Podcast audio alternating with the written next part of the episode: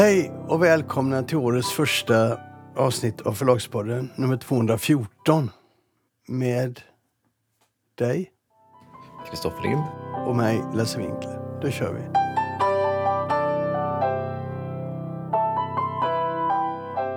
Du, det är årets första avsnitt och vi ska göra en spaning inför 2024. Vad vi förväntar oss. Okej, jag har några spaningar. Det kanske är kul om jag drar igenom dem helt rakt av. Sen så kan vi lyfta fram det du vill lyfta fram. Så gör vi. Den första spaningen är lite platt och lite tråkig. Men den mynnar ändå ut i något konkret. Den handlar om att många av de saker som vi har sett 2023 kommer att upprepa sig 2024. Men också få konsekvenser. Och vad talar jag om då? Jo, engelsk litteratur kommer fortsätta sälja och ta marknadsplats på de svenska förlagen och författarnas bekostnad. Fackböcker kommer fortsätta sälja sämre. Översatt skönlitteratur kommer fortsätta sälja sämre. Det här leder så småningom till en tipping point där förlagen måste börja organisera om sig och jag tror att 2024 kommer vi se det. Och jag tror att vi kommer se något spännande som händer på Bonniers eftersom Håkan Rudels har tagit jobbet som chef för Bonnierförlagen. Han kommer hitta på någonting och vi kommer se det under 2024. Det är en spaning. En annan spaning är att Uppdrag granskning lägger ner granskningen av Salomons Agency och vi kommer aldrig höra mer om det. En tredje spaning är att bokhandelsgruppen, alltså Akademibokhandeln och Bokus, de kommer tuffa på. De kommer klara det här året bra. Och det är förlagen som går mot ett svårt och tufft år. Författarförbundet kommer fortsätta skriva artiklar om att streamingtjänsterna är onda och att förlagen betalar för dålig ersättning. Och det här kommer öka polariseringen ytterligare och ingenting tror jag kommer hända egentligen. Sen har jag en fjärde punkt, en femte punkt. Och det är att eh, varje år så blir något förlag uppköpt. Och att ett förlag köps betyder egentligen ingenting. Det kan alltid komma lite oväntat. Jag har en spaning som verkligen är en eh, gissning. Det, alltså, det här bygger ju inte på någonting som jag känner till eller hört talas om eller någonting sånt. Utan bara, jag tror kanske att eh, Bokfabriken köps av Bonnier. För jag ska kommentera varför sen.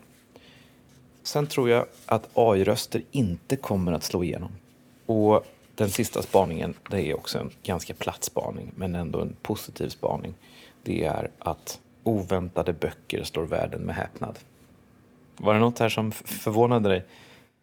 Den första spaningen där är väl kanske inte så mycket att säga om.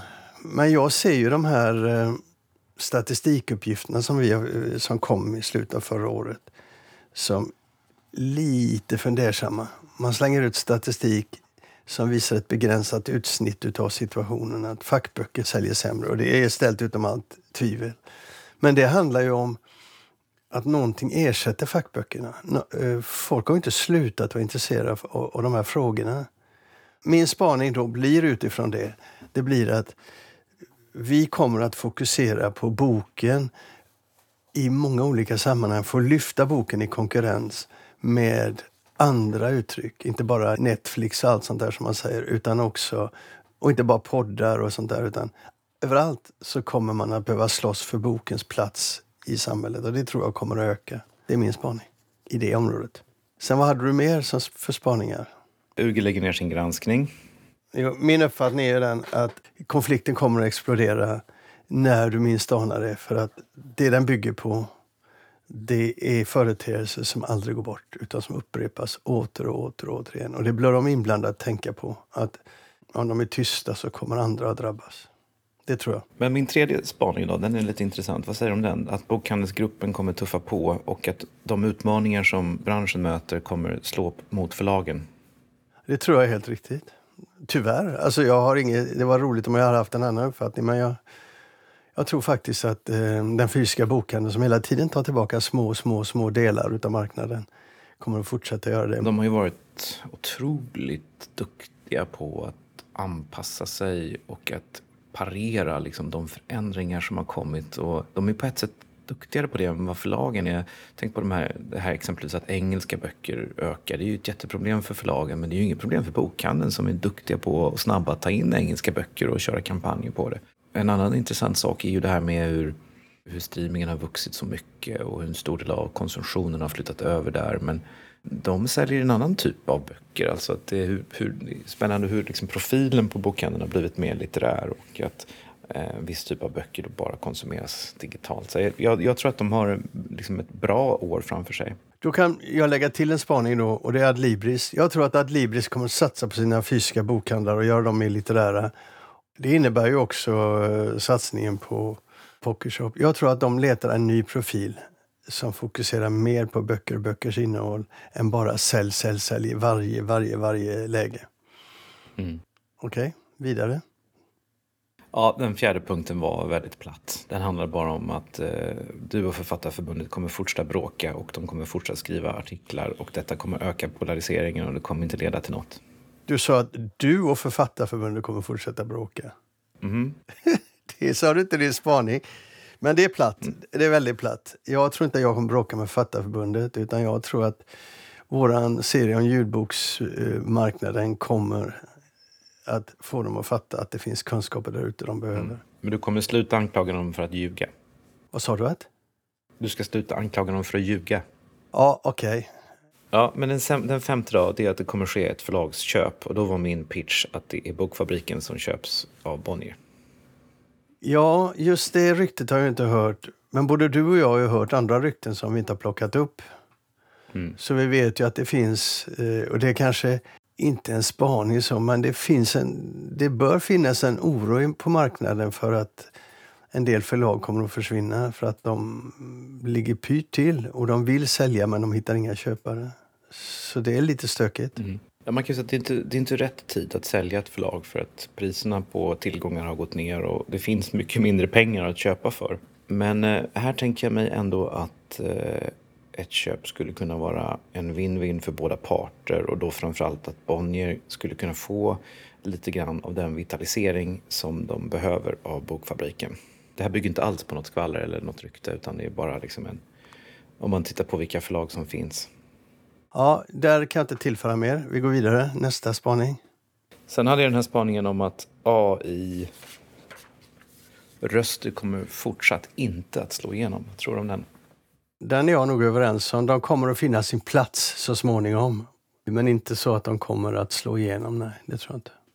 Jag tror att det är en kombination av den tröghet som finns i att ta till sig ny teknik men också att användarna av tjänsterna, folk helst vill ha, om man lyssnar på en bok vill man helst ha en, en riktig röst, en riktig människa som har suttit där och läst in den, även om det låter nästan lika bra. Nu är vi då i början av 2024 och förra året på Bokbranschdagen, jag tror att det var i eh, men det var, på, det var på maj, i maj eller någonting sånt. Så var det ett väldigt intressant seminarium om det här där Ståle, som är Storytels tekniska chef eller vad han är, Johan Ståle, han berättade då hur bra den här tekniken hade blivit. Och han sa inom ett par månader, för då, i första hand så var det ju engelska som var, de här robotrösterna var fantastiska på engelska. Han sa inom ett par månader så kommer de vara minst lika bra på svenska. Jag minns hur rädd i alla fall jag blev. Det, det, det, det där tar tid alltså. Ja. Och även om, även om tekniken finns på plats, vilket den inte gör. Det, tog, det gick inte på tre månader. Men även om tekniken finns på plats så är det mycket annat som ska finnas på plats. Så ja. att, eh, jag, tror att, jag tror att AI-röster är en sån här grej som vi blev så fruktansvärt rädda när den här AI-diskussionen bara helt plötsligt exploderade i samband med att ChatGPT hade publicerats och alla, alla bara häpnade över hur bra det var. Och sen så har det liksom sjunkit in och man ser att användningen är ändå på vissa områden fantastisk, på andra områden mer begränsad. Ja, nej men jag har ju också den uppfattningen att, att man ska vara försiktig när man lever i teknikdominansens tidevarv när det gäller sån här konsumentteknik. När teknikerna och eh, liksom, tekniken dominerar, då har vi en debatt. Men det som är viktigt och det som avgör allting, det är när användarna, den breda allmänheten, ska använda det här. Då får vi en helt annan debatt och det är det som sen blir, så att säga, arvet. Det är det som blir, sen sätter tonen, det är det som avgör framtiden. Så det vi ser nu, det är något speciellt. Ja. Det är tekniktiden. Så vi kan lugnt avvakta och se vad som händer sen. Det kommer inte att bli som man säger att det ska bli nu i alla fall.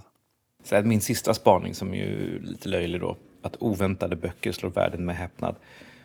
Vad jag menar med det är ju, för att då vara lite positiv, det är ju att bokbranschen har ju den fantastiska egenskapen att vi jobbar med det är ett myller av böcker, av röster och av författare och varje år så dyker det upp böcker som förvånar och som berör och som påverkar, som skapar debatt och det är, är ju faktiskt fantastiskt kul att man varje år inför en ny boksäsong hittar saker som man aldrig trodde att man skulle hitta och att man upptäcker nya författare och det är någon som vinner Nobelpriset som man aldrig hört talas om. Det är någon som vinner Augustpriset som man känner till men kanske inte skulle ha läst och så vidare. Det är det som gör branschen så rolig. Jag håller med, lite annorlunda. Jag, eh, jag hittar ju hela tiden de här fantastiska berättelserna som du säger, man inte visste fanns och man inte visste att man behövde. Men som gör att man är rikare när man har läst dem. Och det kommer att fortsätta att hända oavsett hur många böcker som ges ut och hur marknaden ser ut. Så det, som läsare och lyssnare, så är jag inte det minsta orolig.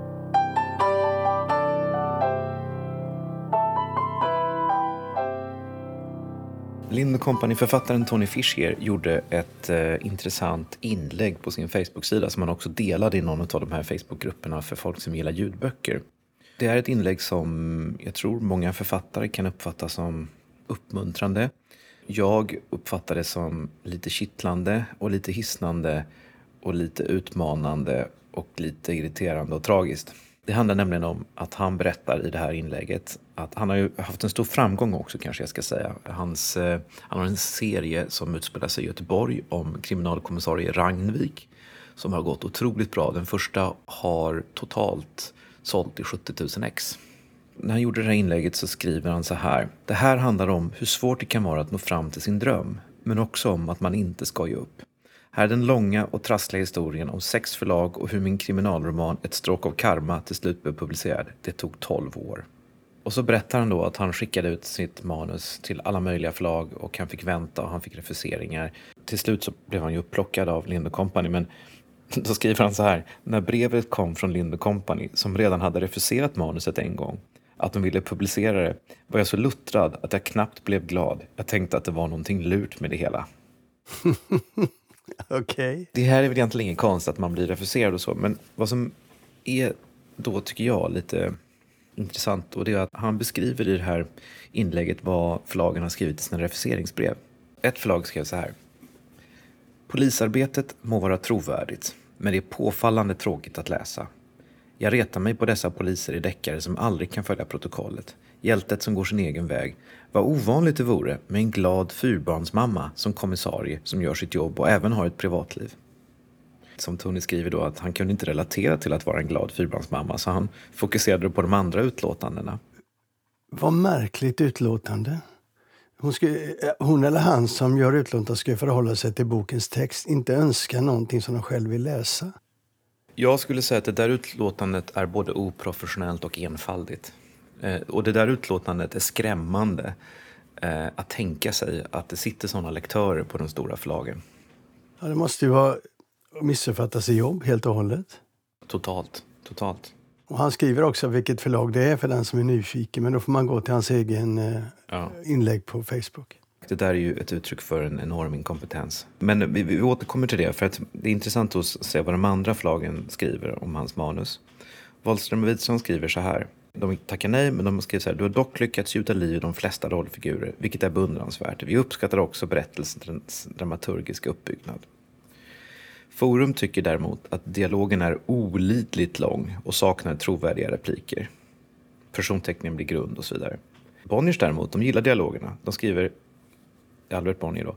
Jag gillar det korthuggna, lite kyliga språket och dialogerna känns trovärdiga. Och så där fortsätter då refuseringarna. Det verkar inte finnas någon röd tråd i dem. Det som frustrerar mig då, eller gör mig lite omskakad, är att den bild som han förmedlar av förlagens manushantering och förlagsarbetet här, det är ju att allt är bara ett enda stort lotteri. Där de personer som sitter och läser manus uteslutande styrs av sin egen smak sitt eget tyckande, subjektiva tyckande och vad de själva önskar att manuset vore. Det verkar inte som att de förhåller sig till det på sund kommersiell basis. Vad tänker du? Ja, du, han, skriver, han ger oss flera exempel i samma, på samma sätt som går emot varandra hela tiden. Jag är väldigt, väldigt, väldigt förvånad över eh, det personliga så att säga inslaget i de här läsningarna. Det måste ju finnas såklart. Det kan ju inte vara så att det ska styra, att de vill förändra texten så att säga. Utan de måste göra en professionell bedömning, annars så är ju varenda jävla författare utlämnad till om de har fått bra mat, om de inte grälar med sin eh, familj eller har dålig ekonomi och sånt. Mm. Jag tycker det är anmärkningsvärt det som han skriver. Det är anmärkningsvärt. Sen är det ju så att man med, med, läsning så är det ju alltid så att det blir en subjektiv upplevelse om man gillar en bok eller inte. Och det kan ha att göra med vad man har för intressen och vad man gillar och vad man inte gillar, personlig smak. Som förläggare så, eller som förlagsperson, lektör, så ska man ju här ta ställning till är det här någonting som är bra? Är det här någonting som vi kan sälja? Finns det plats för det på marknaden? Och där får man ju liksom alltid försöka tänka bort sin personliga smak. Där tyckte ju Sandra och jag, som, det var Sandra Weldon, min kollega, som eh, läste det här manuset först. Eh, eller hon ville ha en second opinion och jag läste det och vi, vi tyckte ju båda väldigt mycket om det. Så det här var ju vår personliga smak som gillade det. Men hon som då tycker att det vore roligare med en glad fyrbarnsmamma, hon verkar inte ställa sig frågan om det här är en bok som någon annan kan tycka om utan hon utgår från vad hon själv vill ha. Det är en fullständigt livsfarlig inställning. Jag tror att alla förlag som varit inblandade här ska läsa Tony Fischers eh, inlägg som han eh, skickade den 14 december. Ja, det finns ju också en lite sådär, ja, jag vet inte, det är något lite nedlåtande också i hanteringen här. Nu har han ju bara saxat ur olika refuseringar, men vad man kan säga ändå som något positivt är ju att det är ju rätt ovanligt att man får den här typen av personliga kommentarer och antagligen så har de föregåtts av att vi måste tyvärr tacka nej men och att de då kommer med de här personliga kommentarerna är ju ett uttryck för att de har ändå verkligen läst och förhållit sig till det och det finns någon form av uppmuntran i det. Ja, den, den aspekten finns ju också här men eh, jag tycker det är lite sådär omtumlande att det är så mycket subjektivitet man tappar manus hela tiden och man, man är inte alltid på alerten. Och ibland kan det också vara så det, att eh, ett manus är dåligt den första tredjedelen och man orkar inte läsa klart och sen så tar det sig. Och det där är ju också en aspekt. Att det, det finns en väldig tillfällighet hur man kommer in i ett manus, när man läser, hur mycket man läser. Förlagen kan inte läsa alla manus från, från perm till perm. Det gör de nästan aldrig va? Nej, det gör man nästan aldrig om man inte tycker det är bra. Liksom. Men de flesta manus är så, så dåliga så att man inte behöver fortsätta läsa. Och sen är det också, det kan vara, det här är ett manus som handlar om varulvar som utspelar sig i Sverige om 70 år framåt. Och då kan man sluta läsa direkt. Det finns ju massor av böcker som är sådana som vi inte ger ut eller sådana som vi inte är bra på. Eller sådana som vi kanske inte ska ge ut. De varulvar exempelvis, eh, sci-fi varulvar. Det spelar nästan ingen roll hur bra det är för det, det ska vi nog inte ge ut. Det svåra är egentligen inte att sortera ut de riktigt dåliga manusen. Det svåra är att bland de manus som ändå är bättre, det är där som det kan vara svårt. Det finns ju många manus som är bra men som är liksom tråkiga. Och det är en dödssyn för dig va? Nej det är det inte, men om du, om du har en kriminalroman som är välskriven men eh, den har ingen spänning. Det, det, liksom, det finns ingen, dramaturgin är lite platt. Men det är, karaktärerna är bra, språket är bra men det är ett otroligt långsamt berättande. Så kan det ju vara en man tenderar väldigt ofta tycker jag när man talar om böcker utan att ha förlagserfarenhet att överskatta betydelsen av ett bra språk och litterär gestaltning på bekostnad av dramaturgi och handling. Alltså en spänningsroman som inte är ett dugg spännande, det är ingen bra spänningsroman. Mm, säger du det? Nej men, nej, men det, låter, det låter kanske som jag säger självklarheter, men det här är verkligen inga självklarheter. Det är väldigt lätt också att man antar en mycket välskriven bok för att den är helt enkelt fantastiskt välskriven. Men så saknar den de andra då kommersiella kvaliteterna som ju, om man nu jobbar med kommersiell litteratur, är viktigt. Mm. Ska vi släppa? Ja, vi släpper.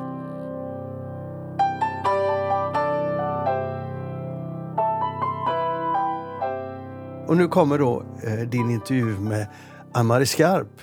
Några funderingar innan vi släpper lös det samtalet? Nej, det är ett väldigt intressant samtal. Ja, ni får lyssna helt enkelt. Så, nu sitter vi på Piratförlaget på Kaptensgatan på Övre Östermalm. Och här sitter också Ann-Marie Skarp som är grundare eller medgrundare och ordförande och förläggare på Piratförlaget. Stämmer det? Det stämmer perfekt. Mycket Delägare också? Ja, ja, ja. Jag sa innan att du kanske är Sveriges mest kända förläggare, men det tyckte du inte var sant? Nej, men jag, det, har jag aldrig tänkt på mig själv som. Nej, det känns jättekonstigt. Det, möjligen är, är det så, men det tror jag inte. Jag, det var bara något som slog mig när jag gjorde research. För att jag har hittat hur mycket artiklar som helst. Du förekommer i poddar och intervjuer. Och du har varit med På spåret. Och en, en person som många utanför branschen känner till. Jag tror att det är Dorotea Bromberg och Ann-Marie Skarp. Det är kanske de mest Ja. kända, mest välprofilerade förläggarna. Ja, ja, vi blev ju lite omskrivna när vi startade Piratförlaget och sen har det ju förblivit lite så. Men jag uppfattar inte som att man egentligen i förlagsbranschen är särskilt känd i alla fall. Och det är ju ingenting som jag strävar efter, alltså att vara känd, det kan jag ju säga direkt. Är det inte så med förläggarrollen att den är, det är lite grann en doldisroll? Jo, det ska vara en doldisroll tycker jag. Man ska kunna hantera saker och ting men man ska absolut inte stå i eh, frontlinjen själv utan det är ju författarna som ska göra. Jag tänkte att vi ska vara lite tråkiga och vara kronologiska. Men, men det beror också på att den kronologin är spännande. Därför att du har, så- har varit nästan 50 år i branschen. I Ja. sommar är det 50 år. Ja, första, första augusti 1974 började jag på Norstedts. Och det är ju eh, spännande med Norstedts 1974, för det är ju inte som Norstedts är idag. Jag hittade ett citat här från en intervju i DN. Jag vet inte om det är ett citat från dig eller om det är så som DN beskriver det, men det står så här. Innanför det slottsliknande husets väggar rör sig herrar i kostym och damer i knutblusar och plisserade kjolar. När dörrarna till kontorsrummen slås upp väller tobaksröken ut. Ja, alltså, jag har inte sagt det där med slottsliknande byggnader, men jag känner igen, jag vet att jag Bergis har sagt det här med att damer gick i, i knytblusar och eh, det var alltså fina äldre damer som jobbade mycket och att, och att det röktes ju på alla rum. Det, är ju, det har jag nog sagt ganska i nutid, för det är ju så otroligt egendomligt idag. Nästan alla rökte för det första och man rökte på sitt eget arbetsrum och man rökte definitivt också i sammanträdesrummen. Det förefaller ju helt vansinnigt att det satt liksom 20 människor kring ett sammanträdesbord. Du och jag sitter vid sammanträdesbord. Tänk om alla skulle sitta och röka här inne. Men så var det. Ja. Det där med herrarna tror jag inte att jag hade några synpunkter på. Men jag vet att jag beskrivit att damer hade knytblusar och det var ganska mycket äldre damer som jobbade på Norstedts när jag började där. Jag kom, alltså jag kom ju verkligen med en eh, ett generationsskifte, en stor förändring var på gång. Så att jag fick se det gamla men klev in i någonting som vartefter kommer att bli det väldigt mycket mer nya. Och det är ju en enorm möjlighet att få vara med om. Hur var det där gamla? Det kanske var svårt för dig att se, för du, var för ditt första jobb. Det var ditt första jobb. Ja, det var mitt första jobb. Jag hade flyttat ner till Stockholm från Sundsvall där jag hade gått, eh, jag hade bott under uppväxten, inte, inte, som, inte som barn men under uppväxten. Och mm, bestämt mig för att jag skulle tillbaka till Stockholm och eh, ja, efter eh, lite utbildning så, så började jag på På Frans Schartau's handelsinstitut Ja, men då var du kan jag. Just det, där, jag tänkte jag skulle hoppa över den långa historien. För det var nämligen så att när man gick på Chartau så skulle man skaffa sig praktik. Och då funderade jag på vad vill jag praktisera? Så tänkte jag böcker. Så gick jag hem och tittade i bokhyllan och tittade vilka förlag det var som hade givit ut böckerna som stod där. Och eh, varför jag inte ringde till Bonniers det vet jag inte för det måste ha varit Bonniers och Norstedts böcker som stod där. Jag ringde till Norstedts, en dåvarande personalchef som hette någonting, eh, Hans i förnamn, kommer inte ihåg vad han hette efternamn. Han var personalchef för tryckeriet. Och eh, han svarade vänligt och trevligt till denna 22-åring. Och nästan obegripligt idag.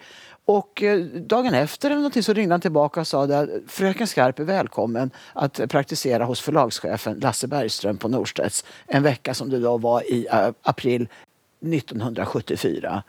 Och eh, det var ju enormt fascinerande att komma dit som eh, 22-åring. Det, det var enastående. Och det som var ännu mer enastående var att det hade varit anställningsstopp på Norstedts därför att SLT hade ju tagit över som ägande. Där kan jag inte riktigt redogöra för, för jag kan jag inte turerna riktigt. Men det var ganska nyligen. Så att det hade varit just anställningsstopp. Och, men då hade anställningsstoppet upphävts. Så att när jag då hade varit där i en vecka och uppenbarligen då visat framfötterna, då, skulle, då avslutades ju min praktikplats. Då kommer Lasse Bergström och återigen upprepades det med Fröken Skarp faktiskt, för han sa det, vi kan erbjuda Fröken Skarp anställning. Eh, och sa att du behöver inte, sen sa han ju du då, du behöver inte bestämma dig nu för det var inför påsken, du kan åka hem till, då, till Sundsvall över påsken så kan du, eh, kan du höra av dig efteråt. Jag hade ju bestämt mig redan så det behövde jag inte någon betänketid. så jag tackade ju ja och eh, började då som sagt 1 augusti 1974 till den fantastiska lönen av, det vet jag fortfarande, 2400 kronor i månaden.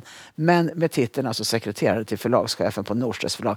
Det var inte klokt alltså. Och då när jag klev in där och började jobbet då, den där augustidagen så var jag verkligen mycket stolt och vördnadsfull. och så vidare. Och jag, sen var jag ju duktig och flitig och bra och eh, trivdes ju otroligt bra. Ibland så tror jag att det finns människor som liksom passar på förlag och andra som inte passar på förlag. Jag måste ha passat på förlag. Det var någonting som klickade där bra mellan mig och förlag. Och liksom, det var så roligt, det var så rörligt och livligt och så enormt mycket olika arbetsuppgifter och, och eh, väldigt bra människor som jobbade där. Och sen så den där grundandan att eh, författarna är det viktigaste av allt. Det var ju också så väldigt intressant och spännande. Liksom att man, man stannade upp med allt annat man sysslade med när det kommer författare på besök. Om det så var en poet som kanske inte sålde många hundra exemplar eller om det var den som var väldigt fin då. Det var memoarförfattaren ambassadören Gunnar Hägglöf som ju kom skridande i korridoren. Han hade, gav ut ett antal memoarer. Eh, och sen var det ju då de fantastiska som då inte var jättestorstjärnor men ändå var ju stora namn skönlitterärt. Det var Torgny Lindgren och P.O. Enquist och P.O. Sundman. Och eh, jag gick i en jättebra skola där och lärde mig av de damerna med knytblusarna mm. och eh, de rökande herrarna hur man liksom hanterade förlag eh, från grunden. Eh, och, och att vara sekreterare åt en förlagschef måste vara den bästa skola som finns för man är spindeln i nätet. Man blir inblandad i allt. Man får ögon och öron liksom överallt och man liksom förväntas utföra allting som på något sätt fattas beslut om det var en fantastisk skola. Ja. Jag hade ju tänkt att, att, bara jobba några år för att jag vill ju vidareutbilda mig. Men det var ju inte tal om. Varför skulle Nej. jag vidareutbilda mig? Jag fick ju all utbildning där. Det där med hur man eh, hanterar författarna, det är kanske det minsta som har förändrats, eller? Nej, det tycker jag, det gäller ju verkligen fortfarande. Det var någon som bad mig fråga dig om Maria Lang-tiden. ja, Maria Lang-tiden den eh, pågick ju ett tag så det var inte bara någon kort tid. undrar när hon gick bort, det måste ju varit kanske mitten på 80-talet. Så hon var ju i högsta grad en uh, central person också. Hon var inte den som satt, kom på besök precis, utan Nej. hon satt ju uppe i Nora. Fick inte förlaget åka upp dit? Hon var väldigt elak och tvingade upp förlaget. Ja, och... precis. Hon var mycket bestämd. Hon ja. var mycket bestämd och hon hade verkligen en elak sida också, det får jag lov att säga. Det, det kan jag hålla med om. Men uh, hon hade en, en, liten lägenhet på Gärdet som hon besökte lite då och då, men hon befann sig mesta delen av tiden i Nora som hon ju skrev om i sina böcker kallade Skoga.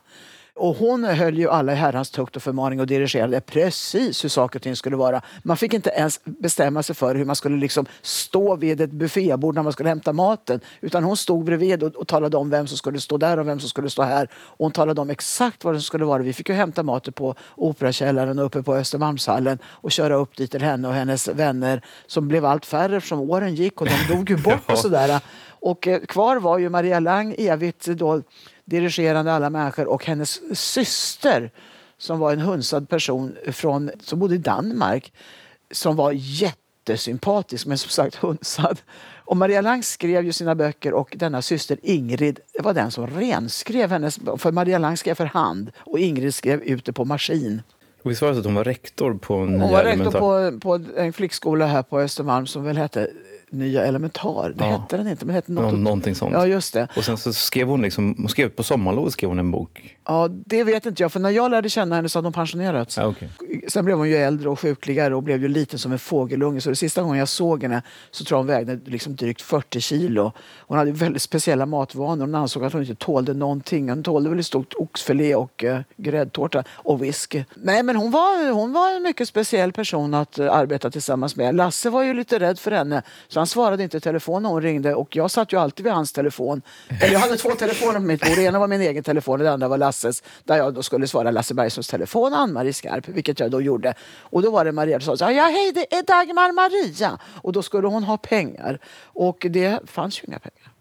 Fanns det inga pengar? Nej, där levdes det lite över tillgångarna. Alltså på Norsets eller på Dagmars konto? Nej, men ja, på Norsets fanns det pengar. ja. Men inte på, Dag, inte på Dagmar Marias. Hennes tillgodohavande var lite, lite övertrasserade. Hon måste ha haft ganska bra intäkter, tänker jag. Ja, men de blev ju, sjönk ju drastiskt på ja, slutet. Ja. Drastiskt. Hon var ju storsäljare mm. i den tidens mått mätt.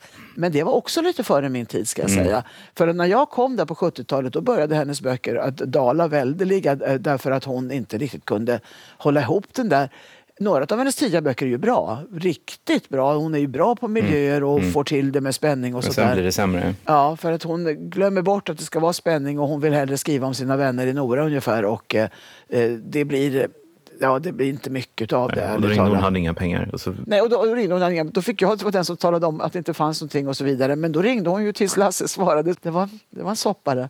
han kunde inte säga nej. Nej, inte riktigt. nej. Hur var Lasse Bergström? Det är ju också en legendarisk person. Ja, men han var ju jättebra. Det var så bra att vara ung och få jobba med honom för att han vågade låta mig ta ansvar och eh, arbeta själv. Han hade noll kontrollbehov och hålla på och granska saker. Utan vi, och vi, vi blev faktiskt ett jättebra arbetsteam, det måste jag verkligen säga. Jag satt i rum, ett stora fina rummet utanför hans stora fina rum i hörnan där på Riddarholmen med utsikter mot eh, eh, Stadshuset åt ena hållet och åt andra hållet Riddarhuset. Eh, perfekt ur hörn. Och eh, jag tog emot all hans post och all hans eh, telefonsamtal och sånt där. Och varje dag så gick jag in till honom med en hög bunt med papper som vi satt och gick igenom och som jag sen då förväntades eh, skyffla runt till olika personer som skulle utföra olika saker och eh, sen besvarade. På den tiden skrev ju, dikterade man brev och jag tog diktamen då på svenska och engelska. Du vet, gammaldags sekreterare. Utmärkt utbildning, utmärkt skola, jätteroligt. Du var spindeln i nätet. Och, Alltså man blev verkligen superspindeln i nätet. Och just också att Lasse var så...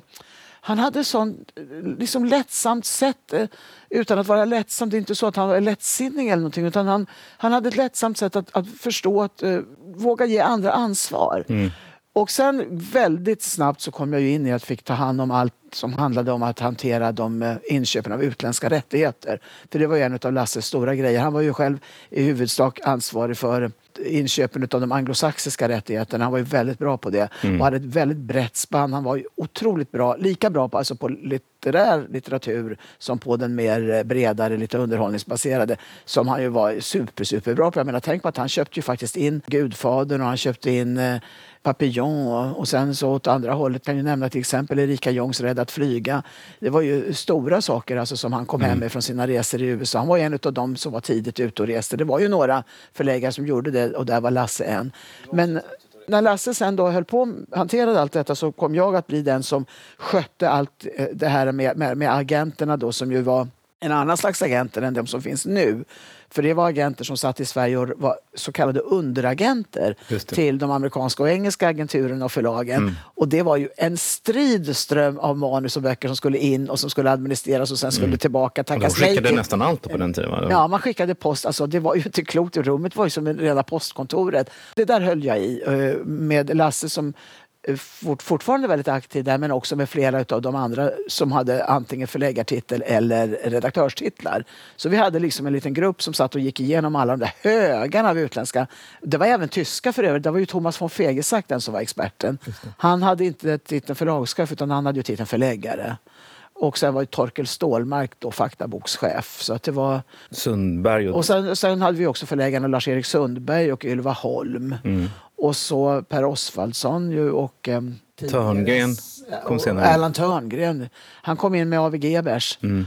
Men ännu äldre tider så var det ju Sven Granat och Nils Dahlberg. Dahlgren? Dahlberg hette han väl? Nisse Dahlberg. Dahlberg ja. Och sen hade vi ju det stora, stora, stora utgivna av juridik. eh, Det var ju ja, de fanns mera- kvar. Juridiken var ingick på den tiden. Juridiken var i högsta grad inne. Vi hade ju då en, eh, två redaktioner som inte riktigt tillhörde det allmänna allmänna redaktioner. För Lasse Bergström var väl bäst som förlagschef för det som var allmänutgivning. Och till allmänutgivning räknar jag då den här skönlitterära, det här som jag kallar för de pra- praktiska handböckerna och eh, ja, memoarer och biografier. Men sen fanns det två redaktioner som stack ut lite grann och det var juridikredaktionen och kalenderredaktionen. Och där gav man ju ut Vem är det? och sådana där statskalender och vad det nu var för någonting. Alltså, det var ju väldigt speciella det, saker. det här är ändå långt efter hovrättsrådet Bengt Lassen. Ja, som, men inte så himla långt efter. Nej. För Lassen hade ju dött några år tidigare. Där någonstans började generationsskiftet. Mm. Med hovrättsrådet Lassen så gick en generation ut. Med Lasse Bergström kom en ny generation in. Han var ganska ung då. Alltså, Lasse Bergström var född 29 och jag började 74. Mm. Han betraktades ju som väldigt ung och han och Thomas drev ju in det här med eh, Pan som ju var en pocketserie som blev väldigt eh, uppmärksammad för att eh, den var ju ganska radikal alltså, och ganska stack ut hakan och sådär. Och, och sen så då de här översättningsböckerna som Lasse Bergström verkligen drog in och sen kom det ju ny litteratur ifrån svenska författare också. Ja, och där någonstans började som sagt en föryngring och jag var väl en av de första unga personerna och sen blev det ju yngre och yngre. Men jag menar, när jag började så var jag ju verkligen yngst på den stora redaktionen. Verkligen. Men fick en, en, en fantastisk eh, position. Alltså, ja, det låter, ju, låter som den bästa typen av skola man kan få. Absolut bästa. Jag, alltså, jag skulle unna varenda människa i världen en mm. sån fenomenal... Och jag var ju verkligen överlycklig. Jag var jättestolt över mitt jobb. Jag var verkligen det. På den tiden, så, du talade om tryckerichefen och sådär. Fanns det tryckeri, fanns det liksom funktioner på Norstedts då som inte finns idag? Ja, fast nej, Norstedts förlag var helt separerat från Norstedts tryckeri. Ah, okay. Men, Men vi kvar. var båda i huset. Ja. Eh, och eh, nu ska vi se hur ägandet var. För Norstedts förlag var ju ägt av SLT. Jag är nästan säker på att även tryckerierna var ägda av SLT i en annan del av SLT-koncernen. Men nu kommer inte jag riktigt ihåg detta. För att Norstedts förlag ingick i någonting som hette SLT förlagsgrupp. Och där fanns också läromedel. Det hette väl AV Läromedel, Almqvist och Wiksell Läromedel helt enkelt. Och eh, sen fanns det ett, eh, en liten bokklubb som hette Vår bok. Och sen fanns det en stor uppslagsboksverksamhet som hette Fokus uppslagsböcker.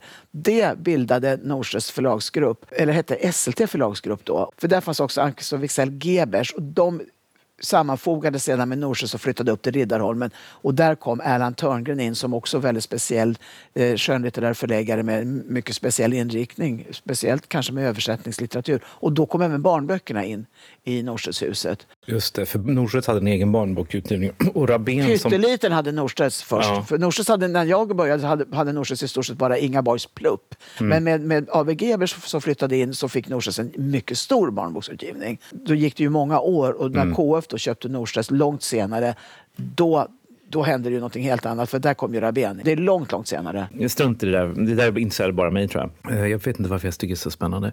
Men du började resa till USA väldigt tidigt. Ja, väldigt tidigt och väldigt tidigt. Lasse var ju den som reste själv till USA och England. Och, men jag fick däremot åka till Frankfurt, bokmässan, ganska tidigt. Av det, och det av det skälet att Agneta Marcos, legendarisk rättighetsansvarig vad det gällde att sälja rättigheter. Jag var ju då den som skötte och administrerade inköpen av mm. rättigheter men det var ju Agneta som sålde rättigheter mm. och hon var ju en eh, en mycket central person i svensk förlagsliv. Hon var gravid med sin andra son och det måste ha varit 76 väl? Då hade jag bara varit där två år, kan det verkligen stämma? Antingen 76 eller något år senare. Och då fick jag möjligheten att åka med till Frankfurt för att eh, liksom, försöka upprätthålla några av de möten som skulle ha haft. Mm. Agneta informerade mig om vad som, vilka som man kunde träffa och hur man skulle gå tillväga och sånt där. Och så där klev jag rakt in i den centrifug som någon har beskrivit Frankfurtmässan som. Det är ju verkligen det. Man kliver in i en centrifug och sen sex dagar senare, eller vad det var på den tiden, så kliver man ut igen och är totalt omruskad och helt utsliten och, eh, och utfästad dessutom, för det var ju mycket partyn och saker hela tiden. Men eh, det var ju väldigt roligt eh, och då lärde jag också att känna många av de agenter som ju Lasse kände som, där, man, när man köpte rättigheter. Och sen fick jag förtroendet att åka till New York och till London med Erland Törngren. Han och jag blev de som fick överta Lasses de, eh, affärsresorna, får man väl kalla det för. Och det var året eh, 86 kanske det var, 84, 86 någonting. Och det var ju också en stor stolthet att få landa på New Yorks på den tiden var det faktiskt JFK som flygplatsen var. Eh, landa där och sen så åka taxi in och så se detta gigantiska New York. Jag kunde inte föreställa mig hur det var och det var ungefär som jag inte kunde föreställa mig. Det var ju enastående alltså. Eh, och jag kommer ihåg när vi var färdiga med den där veckan där så kommer jag ihåg att jag sa till mig själv We made it liksom. Det var, eh, det var så otroligt och sen byggde jag ju upp ett kontaktnät och ett nätverk helt och hållet med mm. de amerikanska och engelska agenterna och rättsinnehavarna som jag sedan upprätthöll rätt, så mycket på egen hand men med också några av de här utgivarna hela tiden som kom, kom och gick kan man säga lite grann. Som jag då träffade på resor och på, i Frankfurt och som också kom på besök i Stockholm. Du har sagt i någon intervju någonstans att, att du kände dig mer hemma i USA och att säljande litteratur där inte var lika med dålig litteratur. Ja, just det. Ja, det har, jag kommer ihåg att jag sagt det. Det har jag tänkt många gånger. att eh, Den amerikanska mentaliteten tyckte jag var ganska easy going vad det gällde mm, syn på böcker. Alltså bred läsning som är för oss alla så att säga. Jag har aldrig varit särskilt bra på experimentell litteratur och inte sökt mig dit. Inte varit, jag har inte varit bra på det, inte varit duktig på det helt enkelt. Men jag har ju älskat att läsa böcker och eh, mm, eh då ser man ju förstås det finns ju kvalitet på, i all, all slags litteratur. jag lärde mig väl förstås att förstå, eller det kanske man ändå har med sig på något sätt, vad som var en bra bok och inte en bra bok. Och jag tyckte att i USA var man mera tillmötesgående mot eh, jag menar, en författare som James Clavell hade en jättestark position. Han hade nog varit lite kanske åsidosatt som en kommersiell författare i Sverige. Mm. Men där var han ju en självklar storförfattare på det förlaget han befann sig. Jag tänker på honom därför att jag fick glädjen att vara med på en lunch med honom och också bli lite vän med hans dotter som hade en stark position i hans gigantiska författarindustri.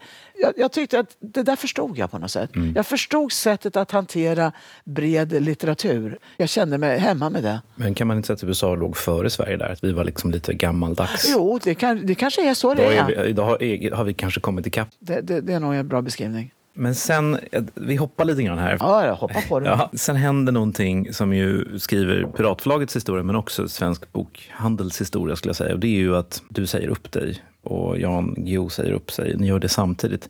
Och jag har ju, som du ser här, det ligger en hel bunt här ja. med artiklar. Ja, jag kommer eh, ihåg det. Och, att det skrevs mycket. Det, vad var det som hände och hur gick det till? Det som hände var att jag kom att inte trivas lika bra. Jag blev kvar 25 år och jag kan väl säga att jag trivdes fantastiskt bra i 20 år. Och sen så, det var vissa ägarskiften som inte alls blev så lyckade. Det blev, det blev ryckigt och det blev problematiskt. Och, eh, du har beskrivit att KF-tiden var en sorglig tid. Ja, jag tycker kanske snarare, Nej, tiden, ja, snarare tiden innan. Så KF-tiden kan jag inte säga så mycket om för det var jag med så kort tid. Utan jag menar Wolters Klovers-tiden och där när man skulle hålla på att göras börsfähig och där. Det var väldigt ryckigt. SLT-ägandet var ju nämligen idealiskt för att det var ju väldigt kompetenta herrar i mogen ålder som betraktade Norsjö som en fin juvel i kronan och tyckte det var väldigt liksom, spännande med Norsjös förlag och mm. Norsjös förlag levererade ju vinster så det var inget problem med den saken. Eh, och de, det var verkligen en stolthet och så.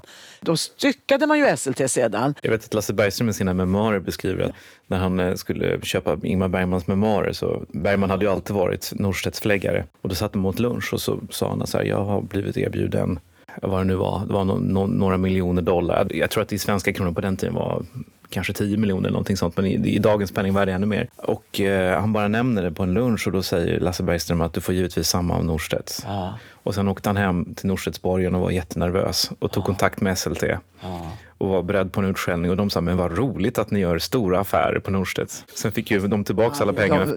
och Lasse och Agneta var ju, gjorde en gigantisk eh, säljgrej i New York. Men han beskriver också då att SLT var liksom eh, industrigubbar som tyckte det var kul att äga, någon, äga en klenod som gick lite med plus. Verkligen så var det. Men sen så fick ju SLT lite problem med ägandet. Det fanns ju några, kom ju in en, någon eh, brödragrupp där som jag har förträngt namnet på. Och då började det bli slitet i ägandet. Och, och sånt där sipprar ju ner till verksamheten, det går ju inte att komma ifrån. Alltså. Välskötthet ska det gälla hela, hela kedjan. Det går, alltså, ingenting går att lappa och laga. Då, och Wolters Klovertiden var inte alls lyckad, det var den verkligen inte. Inom parentes, vad är en bra ägare skulle du säga? Vad är en bra ägare till ett förlag? Då ska jag säga direkt vad jag tycker. Man ska inte förvänta sig att man ska maximera vinsten år efter år. Det, här med, det som hette då på den tiden ROS, Return on Sales, att det skulle öka. Det skulle vara de där siffrorna, att det skulle vara si så många procent av det. Och det har jag sagt till alla människor som inte ville höra på vad jag sa. Jo, det kanske de ville. Men eh, man ska inte äga förlag om man bara förväntar sig hela tiden vare sig ökad omsättning eller, eller ökad resultat. Det är klart att man ska ha en bra och sund ekonomi. Det är ju fullkomligt självklart. Annars kan man inte driva någon verksamhet. Men att liksom med bokförläggeri så går det upp och ner. Det har att göra med vad man har för böcker helt mm. enkelt. Även på ett stort förlag så är det faktiskt så, anser jag. Mm. Eh, man ska vara bra ägare som ska se till att det ska skötas, eh, ska säga, de utstakade målen ska liksom eh, finnas möjligheter att leva efter. Ungefär så. Den personalen och de medarbetarna som är bra på det som verksamheten driver ska verkligen vara omgiven av en väl fungerande infrastruktur. Det tycker jag är en bra ägare. Mm. Så tycker jag. Ja, jag håller med. Ja. Eh, men då var i alla fall så tyckte jag inte att det var lika roligt längre eh, utan jag kom att inte trivas så bra och jag kom ju inte jättebra överens med eh, kan jag lika gärna säga med Svante Weiler. Det är ingen stor fråga längre, det verkligen inte, men det var ju så helt enkelt. Mm. Jag kan väl kanske förstå att han tyckte det var lite roligare att arbeta med personer. Jag hade ju varit där länge och kanske tillhörde, som jag brukar säga, på franska, l'ancien régime. Framförallt så hade jag haft så vansinnigt, vansinnigt roligt och trivs så himla bra. Och att då känna att man tappar vartefter arbetslusten och arbetsglädjen. Mm. Det är ju inget bra. Och då blir man ju inte bra heller. Då ska man väl inte sitta där och bara sitta av tiden. Jag kommer ihåg att jag gick och tänkte så här. Nu är jag, vad jag nu kan ha varit, 40... Nej, jag var inte ens det förresten. Jag var ju 35 år. Ja, just det. Ska jag aldrig lära mig något mer i livet? Då kunde jag ju inte riktigt dela med mig av detta till Jan för det hade ju varit väldigt illojalt eftersom Jan hade då kommit att bli den mest eh, betydelsefulla ekonomisett. Vilken svår situation. Jättesvår. Det var faktiskt jättesvårt. Han läste väl lite mellan raderna vart efter Jan och det kröp väl fram och så vidare. Och han ju, var ju mera då stridsvillig än vad jag var. Jag lekte väl lite med tanken att jag kanske skulle starta en agentur eller någonting mm. sånt där, för det tyckte jag att jag kunde. Eh, och funderade lite fram och tillbaka men jag, kom aldrig någon vart. Och det är ju lite så här när man befinner sig på en arbetsplats som är väl uppbyggd liksom, och man själv har väl fungerande nätverk och så. Man blir institutionaliserad. Det ordet vet jag att jag har använt tidigare. Det, det tycker jag stämde faktiskt.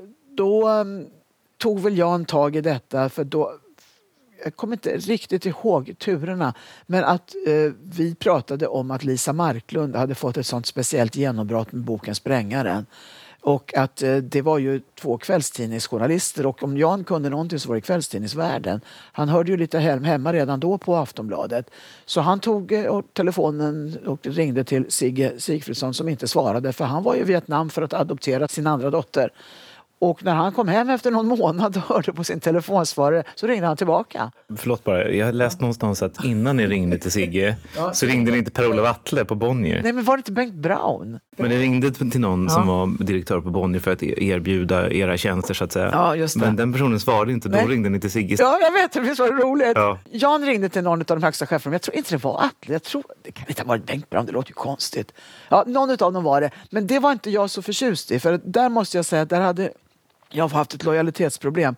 För att det fanns ju de två största allmänutgivande förlagen på den tiden var ju utan någon som helst tvekan Norstedts och Bonniers. Och att då flytta ifrån Riddarholmen, Norstedts sats till Sveavägen och liksom bli vi som man hade varit med Norstedts i 25 år då och med vi plötsligt med bon, i Bonniers, med, med, sitta på det möten och prata med... Konstigt. Det hade känts förljuget och falskt på något mm. sätt. Hur skulle jag plötsligt kunna sitta och säga där att ska vi göra si och så när Bonniers ju tidigare hade varit konkurrent, om än ska jag säga vänskapliga konkurrenter, mm. för på den tiden var man vänskapligare. Det fanns ett större närhet mellan förlagen. Vi... Hur, hur skulle du beskriva att det har förändrats?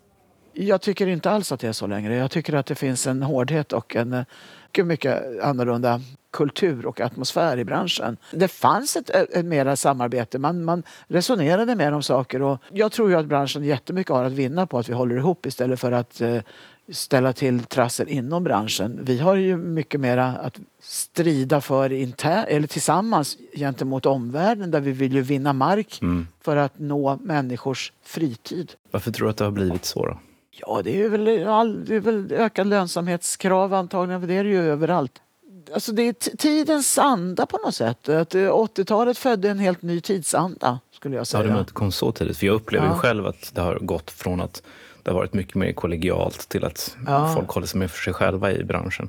Ja, jo så är det väl. Det kanske inte kom på 80-talet, det har du nog rätt utan det är nog bra mycket senare. Men tidens anda förändrades från 80-talet kan man väl säga med lite mer satsa på dig själv när vi då träffade Sigge och Lisa och de var så rättframma och raka och tydliga så blev det ju, kändes det som ett äventyr alltså. Och sådär lite grann att öppna en dörr och släppa in frisk luft. Att nej, nu jäklar ska jag faktiskt göra någonting annat. Det, det här är ju nu.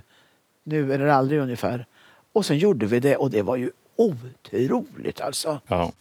Ja, det är faktiskt otroligt. Jag minns det här, även om jag då bara liksom betraktade allting från avstånd och ut, lite utifrån, så minns jag vilken stor sak det var. Men när jag läser igenom alla de här arga debattartiklarna mellan det är Guillou, och det är Weiler och det är Bolund ja. och sen hoppar Per Gedin in också. Så är det nästan så att jag har, som att jag har glömt det. Liksom, och det är många kulturer. Ja, ja, men det är väl bara att man glömmer. Jo, men det är, alltså, det är väldigt hårda ord. Jag kan läsa upp några saker så här. här. Det här har Jan Guillou sagt till TV4 nu är vi arga. Nu jävlar ska vi visa de stora, rika, lata förlagen. Per Gedin i DN 6 juli 99. Jag tror att Piratförlaget blir en mycket kortsiktig historia. Ja, det har han varit så vänlig och skrivit brev om senare och bett om ursäkt för. Han skriver så här då fortsatt också. Om du lyckas vore ju vi förläggare helt meningslösa. Ja. Då kunde vi lika gärna bli författare allihop. Just det. Han skriver också ett år senare så skriver han denna populistiska miljö där enbart den mest råa kapitalismen det. råder. Oj, oj, oj. Ja. Och Johan Svedjedal, han skriver att eh, i Svenska Dagbladet 15 februari 2001 att Piratförlaget stod för en ideologi som citat kan förknippas med politiken hos Margaret Thatcher och Ronald Reagan. Usch! Det skulle jag aldrig i mitt liv vilja förknippas med.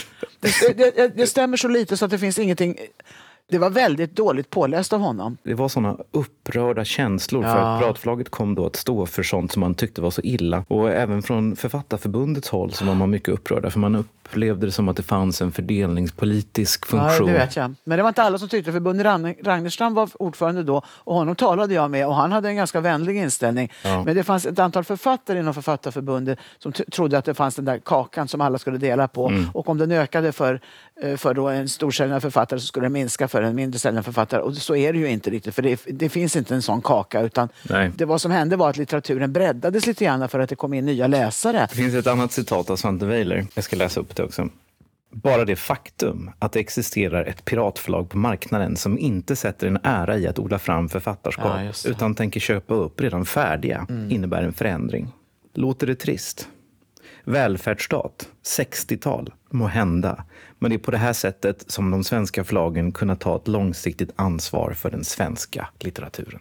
Och på vilket sätt kunde han eh, säga att vi skulle köpa upp andra författare? Det gjorde vi aldrig. Nej. Vi gjorde inte en enda sån sak. Vi gjorde inte en enda sån sak. Men vad tänker du när du hör alla de här upprörda rösterna nu? Det är ju väldigt höga, högt tonläge.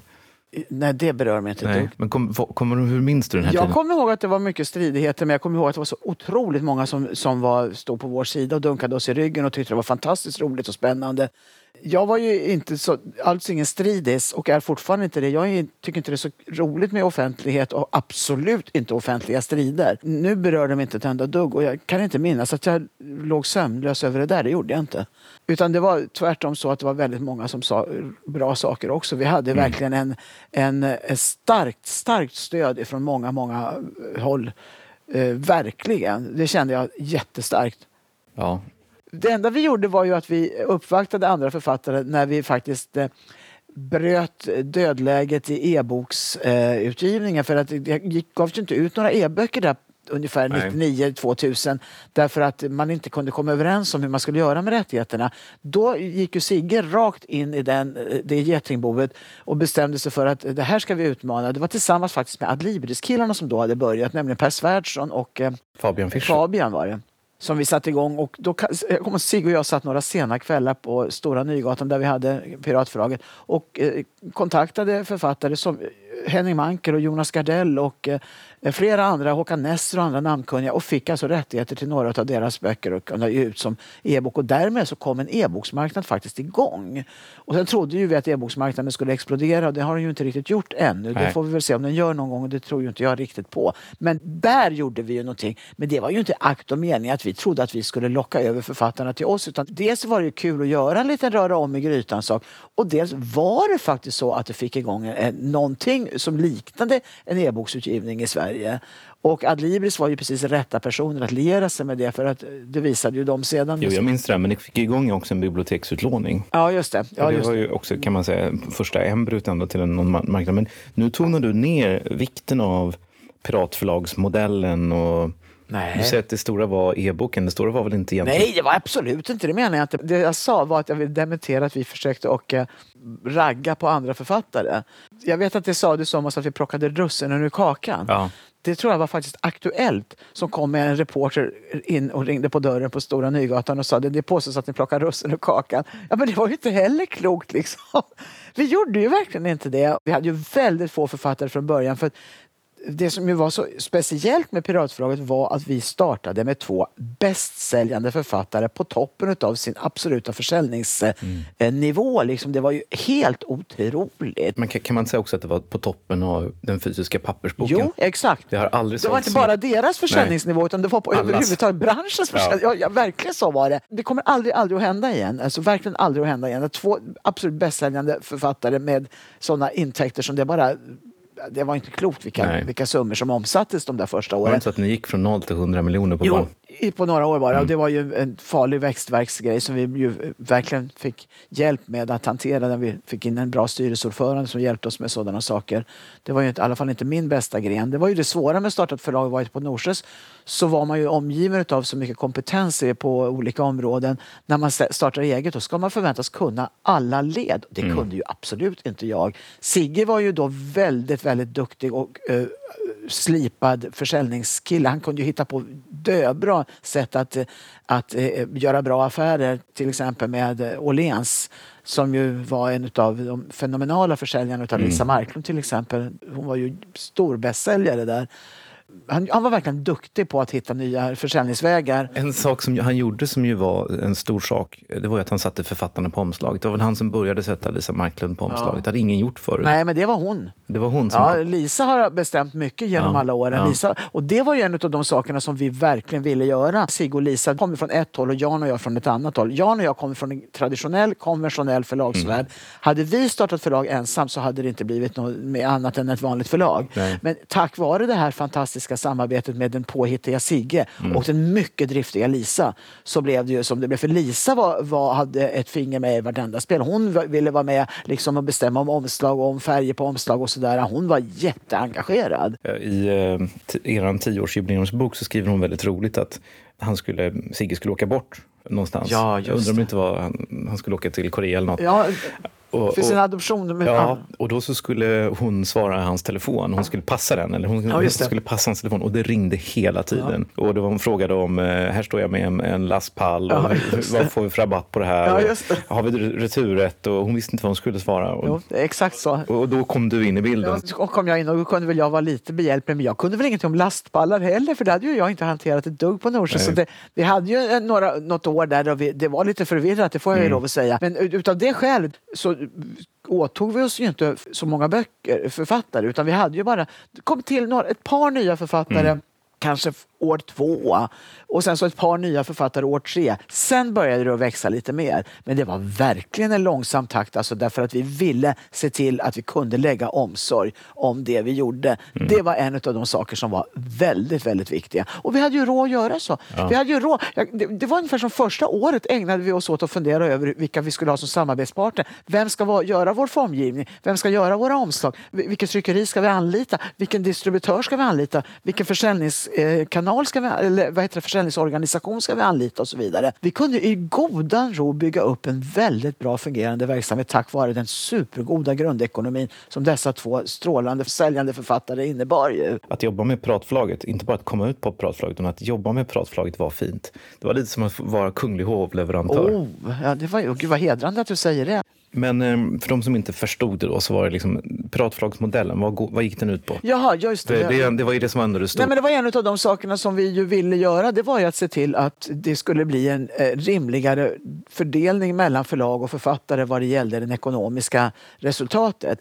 Eh, Så det var inte frågan om att vi inte skulle kunna ge ut böcker som, som inte eh, var, sålde jättemycket. Men om de sålde mycket så skulle det definitivt komma mera till författaren, del till författaren. Vi tyckte att det var riktigare. När en författare började sälja mycket så gick det alldeles för mycket pengar till förlaget och istället så borde det gå till författaren. Såg ju vi snabbt att det, att det gick att göra på de där väldigt höga försäljningsnivåerna. Och jag minns exempelvis, för de som inte kommer ihåg då, så var exempelvis po- pocket royaltyn enligt den gamla standardavtalet, det var 13,5 procent. Ja, precis. Det var 5 på, på cirkapriset eh, en gång i tiden och det blev sen 13 procent om man räknade om det på F-priset. Ja, jag kommer ihåg det också. Och sen så var det den här standardroyaltyn var 27,5 procent, men Ja. det var innan det så kallade bandavdrag. Exakt. Och så att jag tror att den effektiva royaltyn var nere på 21 eller Ja. så. Mm. Tittade man lite på detta så blev det faktiskt orimligt när en författare började sälja bra. Och sen har det ju kommit olika varianter med royaltystegar och allting och sånt där. Men vi tyckte det var enklast. Det var, vad sjuttsiken, vi lägger ihop intäkter och vi lägger ihop eh, och kostnaderna och sen så drar vi det ena från det andra och sen så delar vi 50-50. Svårare än så var det inte. Nej. Vår hög tog förlaget och betalade overheadkostnader för förlaget. Författarens del var författarens. Och det var som sagt var absolut inte för att författaren skulle bli rikast i världen. För att författare blir i alla fall inte rikast i världen. Men det var, det var en rimligare sätt att, att se på det hela. Och det kändes väldigt tilltalande och väldigt rätt alltså. Men sen gick ju åren och då har det ju blivit mer och mer att vi betalar vanlig royalty faktiskt ärligt talat. Fast, För att det är mer lönsamt för författarna? Ja, för det är mer alltså, men vi gör ju fortfarande så att vi tittar på varje eh, verk, varje årsredovisning för att se vilket som är bäst för författarna. Det åtar vi oss som förlag att göra. Det författaren behöver inte välja, Nej. utan vi ser till att det blir det som är mest lönsamt. Får ni räkna mycket? Vi får räkna mycket, men det gör inte jag. Men vi har system. Ja. Du berättade att ni betalar nu mer vanligt royalty. Har pratförlaget blivit lite mer som ett vanligt förlag? Ja, med all nödvändighet så har det ju gått åt det hållet och eh, det tycker inte jag är något konstigt för att jag var ju verkligen den första då som sagt, vi hade 25 års erfarenhet när vi startade Piratförlaget och så hade vi de där enorma omsättningarna första året och jag sa till de anställda här som ju inte var många då, vi, vi var väl kanske fem, sex stycken då efter några år, eh, kanske, no- ja, Ungefär så. Jag sa att ni får inte vänja er vid den här ekonomin. Så här ser inte förlagsekonomi ut. Ingen får vänja sig vid detta. Och det sa jag även utåt i offentligheten. Det var ingen som lyssnade på det örat utan alla gick ju sen och sa gud, katastrof för Piratförlaget. Det var inte alls någon katastrof för Piratförlaget. Vi fick en normal ekonomi sedan från att ha kommit från en unik ekonomi. Sen började ju vi att få börja liksom att bygga nya författarskap och då är det ju en annan femma. Då blev vi som jag säger ett förlag med pärmar och, och möten och mer planerad ordning. Det hela kom att bli ett, ett mera vanligt förlag. Och Sigge, då, den mycket entreprenöriga personen, han blev, var ju inte kvar längre. Han älskade starten, men, men, men jag älskar förvaltningen. Så enkelt är det. Det låter ju inte klokt att man älskar förvaltningen, men jag gör nästan det. Ja, det kanske är Norstedtsandan. Ja, det kanske är Norsesandan som, si- som sipprar fram. Ja. Men det blir ju väldigt mycket svenskt på Piratförlaget. Ni har, sen har ni börjat mycket med översättning. Ni har lite nordiskt också, och sen har det blivit Ja. lite annat. Men hur kom det sig att du som hade den här bakgrunden med väldigt mycket översatt, väldigt mycket amerikanskt, att ni gjorde så mycket svenskt? Det bestämde vi oss jättetidigt för. Det tar ganska mycket tid att sovra fram det som är bra översättningsböcker. För att när jag skötte mycket av det på Norstedts så var ju det en av de stora eh, arbetsuppgifterna att ha, hålla liv i de här kontaktnäten och, och eh, eh, åka på mässor och åka utomlands och att läsa mycket och att eh, se till att andra läste och, för- och så vidare. Och jag kände att nu har jag gjort detta och det är ju en, en, nästan en halvtids eller heltidstjänst. Och ska vi bygga ett förlag här och se till att vi till att börja med sköter om de här två storsäljande författarna kommer vi inte att klara detta. Så vi, det var mycket medveten satsning, att vi sa, eh, eh, eh, mycket medvetet beslut att vi sa det, vi ställer det åt sidan. Men vi hade ju en mycket god vän i Anne Holt från Norge som ju var en privat vän. Och vi kom överens med henne på ett tidigt stadium att hon ville väldigt gärna vara med. Och, Men så här, I efterhand så var det väldigt framsynt för att översatt har ju blivit så svårsålt. Ja. Men det visste ni inte. Jag visste ju en sak. Jag visste ju att eh, om man skulle ha givit ut tio nya översättningsförfattare på Norstedts, det kunde faktiskt nästan vara så något år, så kunde man ju veta att eh, sju av dem inte skulle löna sig och tre skulle kanske gå bra och en skulle bli en framgång. Och så är det ju med att satsa på författare, det är att man bygger långsiktigt. Det är ju min grundinställning. Gärna investera, men då vet man att man investerar. Men liksom om vi skulle hålla på att investera på kanske då inte tio då, men fem nya författare varje år. Det tar lång tid och det kostar mycket pengar. Och eh, jag visste att vi inte skulle lägga ner vare sig tid eller pengar på detta. Men det var ju helt rätt så här i Ja, efterhand. ja. Affärsmässigt helt rätt. Och jag saknade det inte heller utan jag kände dessutom att jag antagligen hade, att jag hade gjort mycket av det Ja. där med resandet. Och då bestämde vi faktiskt också samtidigt att inte hantera utländska rättigheter för våra svenska författare utan det skulle vi då försöka liera oss med befintliga agenter som nästan inte fanns på den tiden. De, de växte ju fram där. Det fanns ju Bengt Nordin och det hade Lisa redan. Hon var, ju- Lisa var verkligen, hon hade verkligen koll på saker och ting så hon hade ju själv skaffat sig ett samarbete med Bengt Nordin innan eh, vi ens startade Piratförlaget. För hon gav ju ut en bok tillsammans med Sigge på det som heter Ordupplaget. Och då hade hon själv sökt upp Bengt Nordin. Hon hade liksom typ åkt hem och knackat på hans dörr eller någonting sånt där. Och så Bengt, hon var en av hans första författare och det var ju lycka för båda de två. För att Lisa blev ju mycket framgångsrik internationellt och Bengt, Bengt var ju en väldigt bra på detta. Ja. Men sen eh, har ni ett samarbete under många år med en annan eh, mycket framgångsrik agent, Niklas Salomonsson. Ja, jo, han, han kom ju in där i eh, samma veva som vi. Det, var inte, det gick inte många år. Om vi kom 99, vi startade 99, så att han började, ja, kan det vara tre år senare då kanske? Och var ju ung och mycket, mycket alert. Och han kom ju att eh, ja, söka sig till oss. Han hade väl nästan, han fick nästan alla era författare. Ja, men det började ju med, ja, han sökte sig till oss från början, det kommer jag inte riktigt ihåg. Jo, det var väl för Unni Droge förstås, ja just det. För hon, vi gav ju ut henne och han hade ju då ett, eh, en relation till henne. Och där någonstans så fick han, nej han fick höra utav eh, Einar Heckscher som var en, en översättare eh, att han skulle kunna kontakta mig.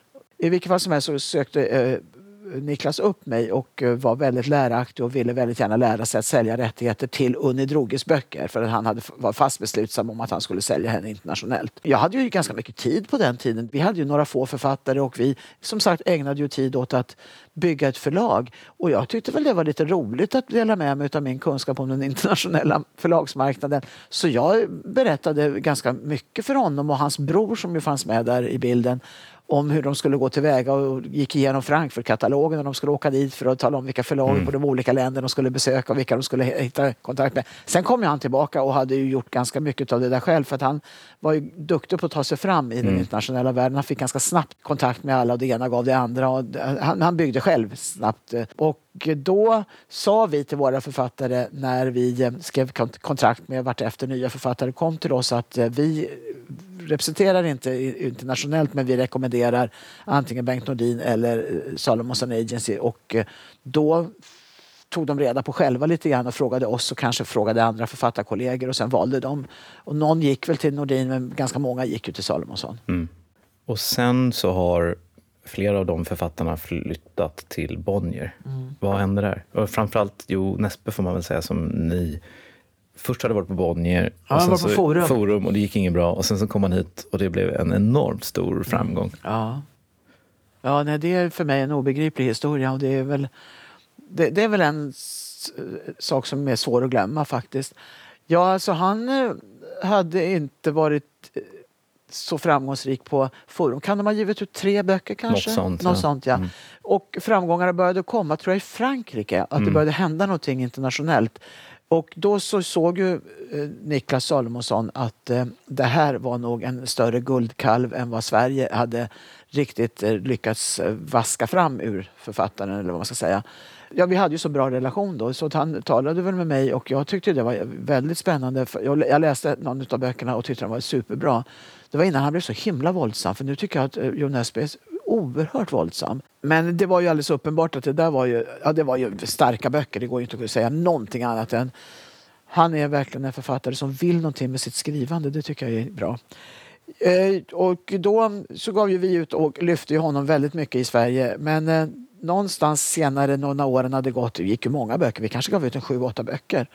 Så drog sig mattan under, under våra fötter undan och eh, det bara meddelades att nu skulle han eh, gå till Bonniers och det har jag fortfarande ingen förståelse för. Jag sa själv till Jo, för Jo var ju vänlig nog att ringa i alla fall. Det var Niklas som meddelade men Jo ringde faktiskt själv och sa att det var bara förrättningsmässiga skäl och eh, jag sa till honom, nej jag vet ju att eh, de eh, anser att eh, du inte riktigt har varit etta på bestsellerlistan men du är definitivt etta utav översatta böcker och du råkar komma under en period då det finns så mycket svenska författare så att de konkurrerar om översta platserna. Och så räknade jag då upp då. Det var ju Jan och Lisa, det var Leif GW och det var eh, Camilla Läckberg och det var eh, Stig Larsson och det var flera namn till. För mm. vi har, har ju haft en stört sjö utav svenska författare som Verkligen. har trängts på bestsellerlistorna. Så att, att lura i Jo Nesbø att han skulle på något sätt vara liksom förminskad eller bortglömd är ju förfärligt tycker jag. Han ja. var utan någon som helst tvekan den mest översatta författaren och belade om inte första plats så i alla fall andra plats Nej. och tredje plats och länge. Och han sålde i bötter och spann som de säger mm. på norska. Mm. Vi lämnar det där. Det har ju hänt spännande saker på Piratförlaget senaste tiden och jag tänker då framförallt på att ni har köpt, alltså det finns, dels finns Lilla Pirat som vi inte har pratat någonting om alls, men som ju funnits med länge, eh, som ni var med och startade. Det är tack vare Erik Titusson ja, ja. som sökte sig till oss. Mm. Det har ju varit ganska många som har vänt sig till oss och velat göra olika former av samarbete eller bygga ihop saker mm. och sånt där. Och jag har varit ganska, ganska försiktig, eller väldigt mm. försiktig. Mm. Men när hans presentation kom så kände man, här är ju en fix och färdig förläggare som kan hela branschen, som har hela nätverk, som har allting. Han hade en fantastisk presentation och det var ju bara glasklart. Mm. Att vi var ju helt redo att eh, sticka ut det där benet och sätta ner det. Mm. Det, det, det kom ju serverat som, eh, ja, jag vet inte, fär, fix och färdigt. Ja. Och sen så har ni köpt då Alfabeta och En bok för alla. Ja, vi, vi har inlett, gått i ett samarbete så att säga med okay. dem. Ja. Jag kan inte redogöra för affärens utseende riktigt, men det är kanske är inte rätt att formulera det så. Nej, okej, det finns ett okej. samgående. Ja, det finns ett samgående, okej. Ja, För Dag Henry är fortfarande med som ägare Ja, på oh, ägarsidan? ja, han är med som ägare fortfarande. Mm. Och vad är tanken där då? För det första bygga och starkare. Man vill ju vara lite starkare än... När, när den fysiska försäljningen gick ner så väldigt kraftigt och eh, man såg ju, för vår omsättning har ju halverats och vi har ju mött det med att eh, förändra vår kostnadsbild och sådär också. Så att det har vi ju verkligen hanterat. Men då känner man i alla fall att man behöver eh, ha en, en alldeles tydlig plattform att stå på.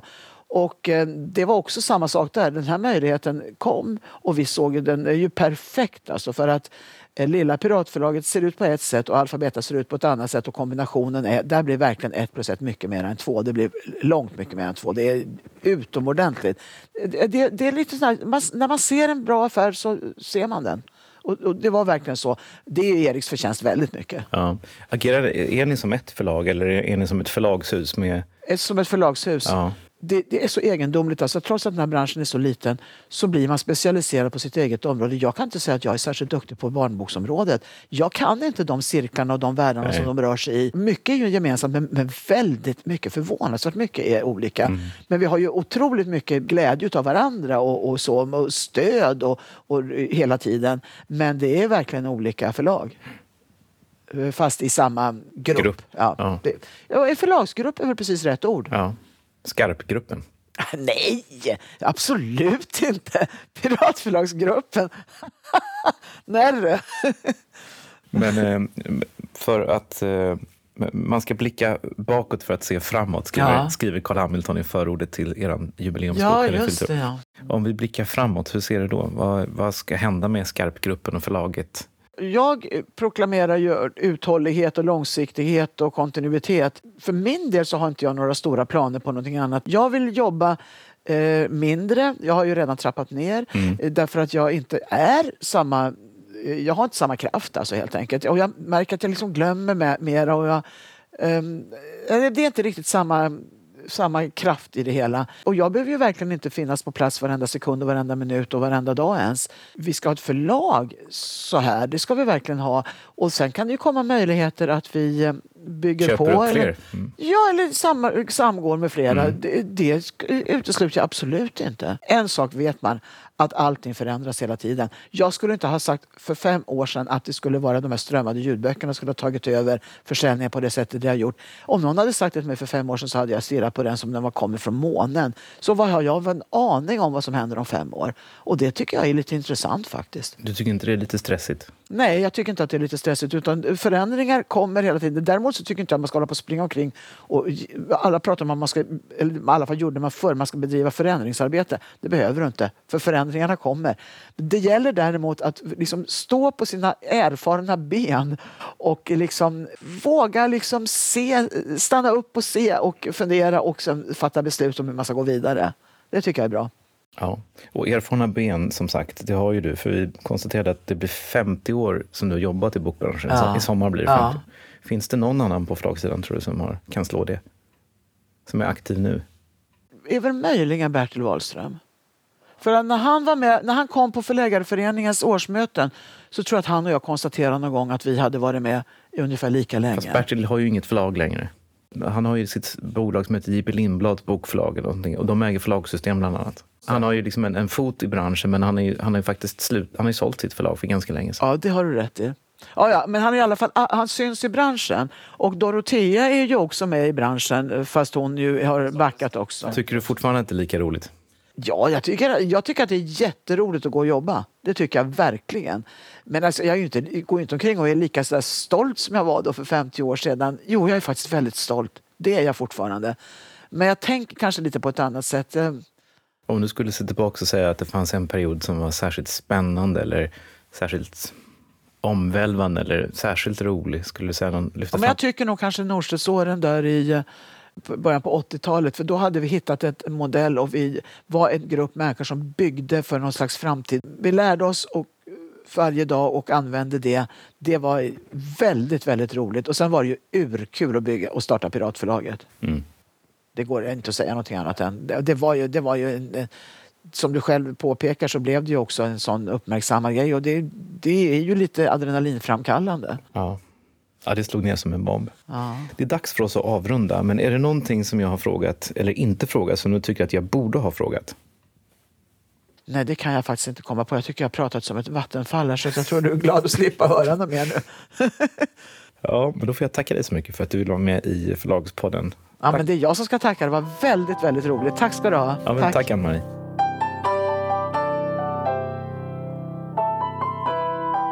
Ja, det här avsnittet var ju välkommen till 2024. Första avsnittet i år. Nu hörs vi nästa vecka. Det gör vi. Hej då. Hej då.